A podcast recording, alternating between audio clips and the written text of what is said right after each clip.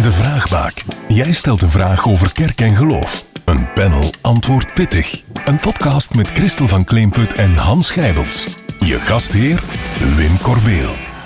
Opnieuw te gast hier in de studio Christel van Kleemput en Hans Gijbels. Welkom allebei. Hallo. Hallo. De vraag die we binnenkregen ditmaal was: kan iedereen vergeven worden? Ik denk een heel actueel thema ook, als je denkt aan de oorlog bijvoorbeeld. Ik ga beginnen bij Christel. Wat is vergeving voor jou? En misschien ook, wat is het niet? Ik denk dat het gemakkelijker is om te zeggen wat het niet is. Begin daar daarmee. We zeggen gemakkelijk, hè, het is vergeven en vergeten, of je moet dat kunnen vergeven en vergeten. Ik denk dat het alle twee begrippen zijn waar we het heel moeilijk bij hebben. Ten eerste, als er iets gebeurd is dat heel moeilijk ligt, gaat je dat niet meer vergeten. Je kunt ook zeggen van, ik ga daar niet meer aan denken, oké. Maar het echt vergeten, als dat iets is dat u diep getroffen heeft, dat, dat kan gewoon niet. En vergeven ligt een beetje op dezelfde lijn. Dat, maar daar is iets waar dat we zelf wel moeite kunnen voor doen. We kunnen dat proberen om te zeggen aan degene die, die iets fout gedaan heeft van ik vergeef u dat. Maar of dat, dat echt helemaal lukt, zo gewoon tussen ons, tussen mensen, dat is een vraag. Is dat ook voor jou een vraag, Hans? Eh, Ja, ik zou even willen inpikken op Christel. Inderdaad, hè, we hebben in Vlaanderen zo die uitdrukking vergeven en vergeten. Nu, als vergeven met iets niet te maken heeft, is het, is het vergeten, omdat er is maar sprake van echte vergeving als het kwaad ook erkend wordt. En dus je vergeet het niet, eh, je moet het kunnen erkennen. Een ander elementje dat ik eh, zou willen zeggen is dat ja, vergeven, wat doet dat dan? Vergeven is ook niet zo van ik vergeef je. Ah, Oké, het is nu allemaal in orde. Hè? Eh, er moet geen straf meer uitgezeten worden of dit of dat. Nee, jawel hè. Eh, bijvoorbeeld wanneer een bepaalde uitspraak is gebeurd hè, en, en, en, en er wordt een straf uitgesproken. Ja, dat moet ook, die, die schuld, dat moet gedelgd worden. Hè. Een dief moet het gestolene terugbrengen. Hè ja, in het geval van moord of zo, of een ongeval, kan er weinig teruggebracht worden, helaas.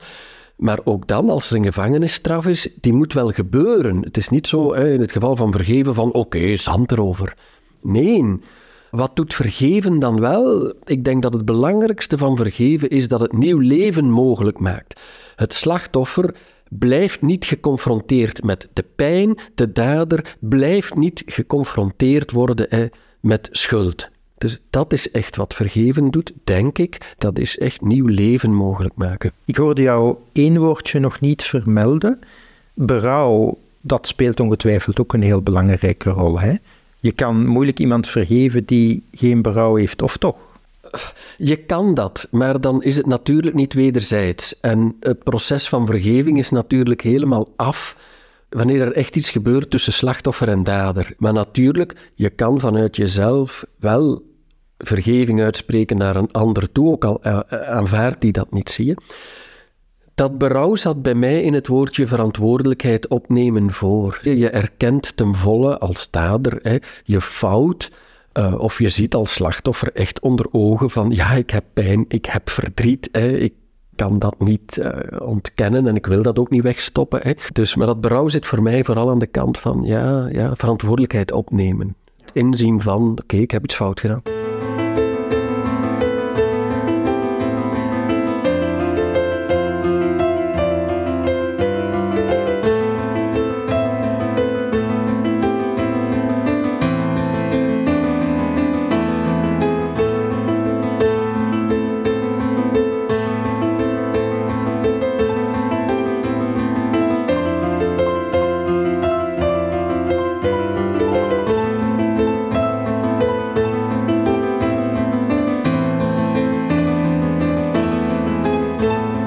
Christel zei het al, sommige dingen zijn echt moeilijk om te vergeven.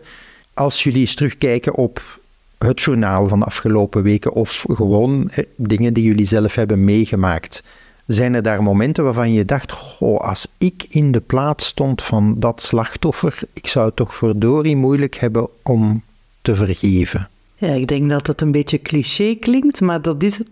Dat komt ook omdat het zo aan ons als mensen kleeft als er iets um, aan mijn kinderen zou overkomen door de schuld van iemand anders. Ik, um, ik kan nu eigenlijk niet echt weten hoe dat zou zijn. Hoe ik daartoe in staat zou zijn om iemand te vergeven of een nieuwe kans te geven. Ja, ja. zolang het u niet fysiek zelf overkomt, is dat een moeilijke vraag, denk ik. Ja, christelijk. ik gebruik dat dus, wat jij nu vertelt, gebruik ik ook in mijn lessen, waarin, ik, ja, waarin vergeving een, een belangrijke plaats inneemt. En ik zeg dan ook tegen mijn studenten: kijk, ik vind het heel belangrijk. Je wordt geen slecht mens als je niet in staat bent om te vergeven. Dat maakt van jou geen slecht mens. Stel dat, dat, er, jou, dat er iets gebeurt met je kinderen, en dat is nu toch het allerdierbaarste, en je bent niet in staat om te vergeven, dat maakt niet meteen een slecht mens van jou. Maar natuurlijk, het blijft wel een ideaal. Het blijft iets wat we moeten proberen te betrachten. Maar ik denk dat soms vaak ook als christen ik moet vergeven. En ik gebruik dan letterlijk als casus. Stel je voor dat er iets gebeurt met mijn kinderen en ik kom die persoon in een donker steegje tegen en ik heb toevallig een stok bij. Sorry dat ik dat zo zeg, maar ja, ik weet het niet. Ik weet het gewoon niet. Ik hoop dan, ik hoop dan dat ik de kracht heb om te vergeven en om ja, een, een, een mooie christen te zijn. Ik hoop dat. Ik neem aan dat het ook soms gewoon gebeurt dat je iemand misschien niet meteen kan vergeven, omdat het ook soms een opbouwproces is van terug aansluiting vinden met die persoon, maar dat je gewoon tijd nodig hebt. Ja, tijd is een heel belangrijk begrip. Hè? Trouwens, laten we eerlijk zijn, uh, het zou ook heel gek zijn om als er iets ernstigs gebeurt en je bent meteen in staat om te vergeven, Allee, ik, ik, ik, persoonlijk zou dat heel eigenaardig vinden. Ik denk dat er mensen daartoe capabel zijn. Hè?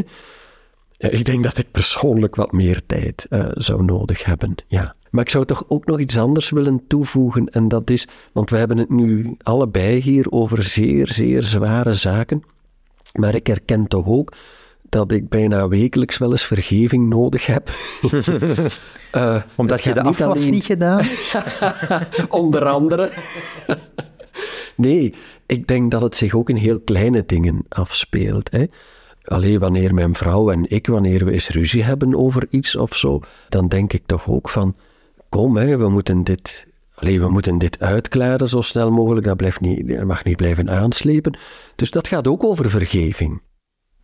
Is communicatie daarbij belangrijk? Ik bedoel, als je met iets zit waarvan je voelt, de ander heeft mij daar eigenlijk tekort gedaan, dat je het durft uitspreken? Denk het wel.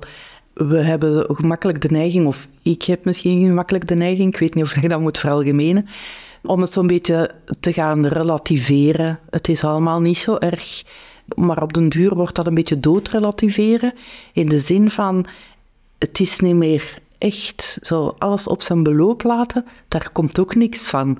Um, dus het duidelijk kunnen uitspreken, ook al gaat dat over hele kleine dingen, over de dagdagelijkse dingen, maar um, dat kunnen gezegd krijgen. Want ook nog zo'n mooi gezegde, we doen het voor de lieve vrede, of voor de lieve vrede zullen we het maar zus of zo doen, dat is geen vrede. Vrede kan er maar komen als er dingen uitgesproken worden. Ik herken dat helemaal. In mijn kindertijd heb ik in heel mijn omgeving niet anders gezien dan wanneer er zo'n conflict was, in eender welke relatie, dat kon met buren zijn, dat kon thuis zijn, radiostilte. Veel beeld, geen klank. Hè. Dat zou slecht zijn voor een podcast natuurlijk. Hè. en uh, ik heb dat patroon eigenlijk helemaal uh, in mijn leven overgenomen. En, en ik voel nu nog de neiging zo bij een, als ik erg gekrenkt word, hè, of ik voel me in mijn ongelijk, hè, van zo weg te lopen. en het klinkt gek, maar het is alweer het evangelie dat me daarbij helpt. En zo kom ik bij die communicatie terecht. Ik, ik loop weg en ik heb dan de klink van de deur vast en ik denk, Jezus, zou jij dat hier nu ook zo oplossen? Nee, natuurlijk. En dat helpt me dan toch om terug te keren naar die persoon waarmee ik dan een conflict heb of weggelopen ben. En dat helpt me dan om, om, om het gesprek aan te gaan van kijk, ik heb verkeerd, ik heb fel, ik heb verkeerd gereageerd, daarom. Hè, je hebt daar op mijn ziel getrapt of zoiets. En we hebben een gesprek en, en dat is meestal heel snel in orde. Dat is het mirakel van communicatie. Hè.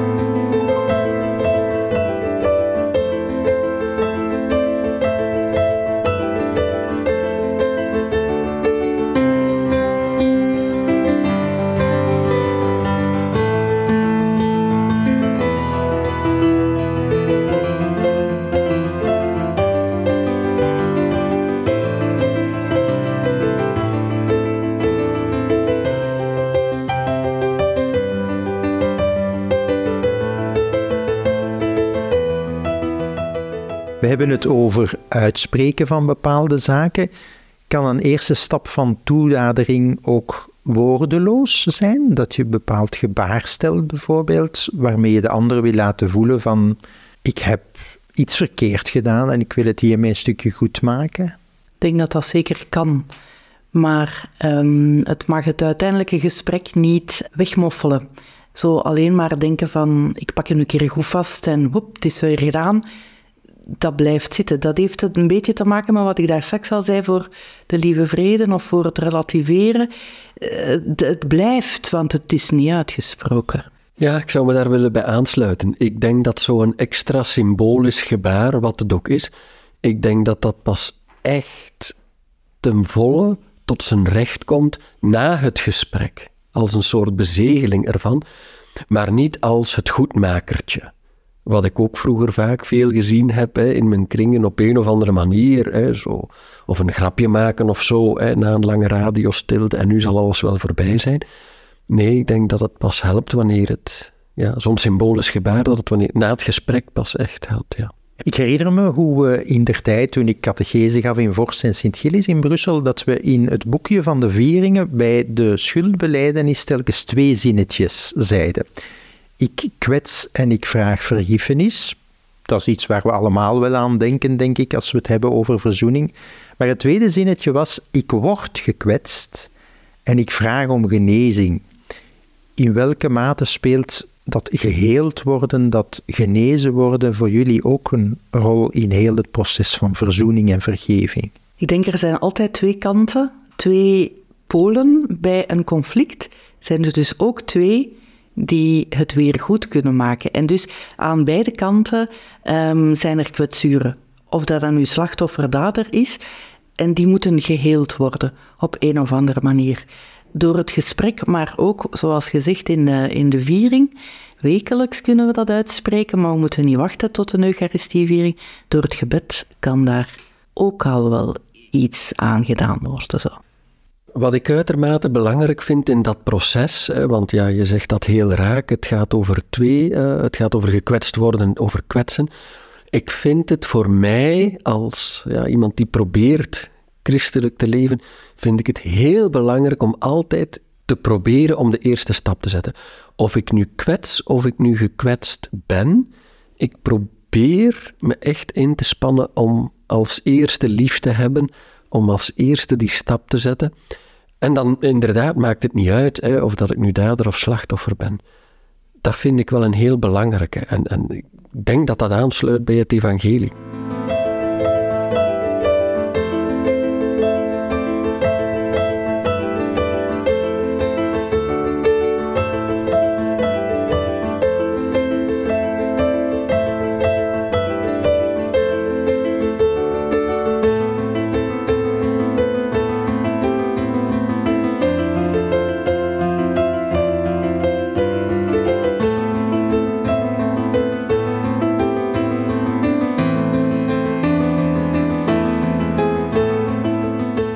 Als je kijkt naar het evangelie, hoor je Jezus oproepen hè, tot zevenmaal zeventigmaal, dus oneindig vergeven. Dat roept ook het beeld op van Gods barmhartigheid en God die inderdaad effectief oneindig vergeeft, eigenlijk boven ons bevattingsvermogen. In welke mate is dat voor jullie ook weer een ideaal dat jullie toch helpt om in het alledaagse leven kleinere stapjes in verzoening te zetten? Ik denk dat het gevoel van um, die barmhartigheid van God, die, die, ik zou bijna zeggen, warme mantel die we telkens weer mogen voelen, dat dat mij helpt om dat ook aan anderen uh, te mogen laten ervaren. Zo.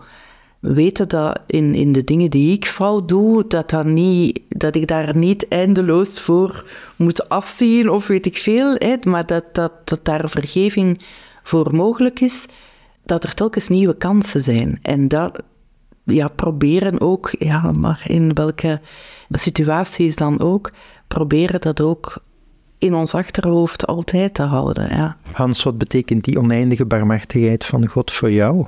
In mijn persoonlijk leven uh, zal ik die wel nodig hebben, natuurlijk. Hè? Maar ik ga het even over een andere boeg gooien, uh, een, een lastige boeg, maatschappelijk. Uh, wat betekent dat bijvoorbeeld maatschappelijk? Hè? Stel je voor nu, hè, en dat zijn situaties die onder druk komen te staan, wij worden meer en meer verantwoordelijk voor onze eigen gezondheid. En neem nu eens het voorbeeld van iemand, een kettingroker, en die is al voor de vijfde keer, wordt die geopereerd, een hele dure operatie voor de vijfde keer, en die chirurg is dat een beetje beu, die zegt, man, maar jij moet nu toch echt gaan stoppen met roken. Hoe lang kan de samenleving dit nog... Zie je, dat zijn dat ligt heel gevoelig. Dus hoe ver kan die oneindige vergeving gaan? Dat is nog iets anders maatschappelijk dan persoonlijk. Hè? Maar ik ben daar wel mee bezig. En dan denk ik, en dat is ook voor het persoonlijk leven belangrijk, ik denk dat het evangelie ook oproept tot verantwoordelijkheidszin en dat daar een soort koppeling moet gemaakt worden voor, ja, er is die vergeving, maar er is ook een oproep tot verantwoordelijkheid. Het is niet zo dat je eender wat maar mag doen en er is toch vergeving. Hè? Men maakt met katholieken vaak dat grapje hè, van, eh, van het protestantse hoek.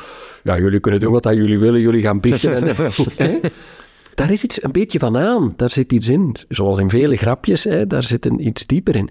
En dus voor mij is dat zo'n kwestie zo van, waar ligt dat evenwicht tussen die vergeving en die verantwoordelijkheid? Daar ben ik wel veel mee bezig. Maar ultiem, ultiem weet ik ook dat we allemaal moeten rekenen op Gods vergeving, gezindheid. Uh, dat besef ik ook maar al te goed. Ja. Christel van Kleemput en Hans Schijbels, bedankt ook voor de medewerking aan deze vraagbaak. Graag gedaan. Geen dank.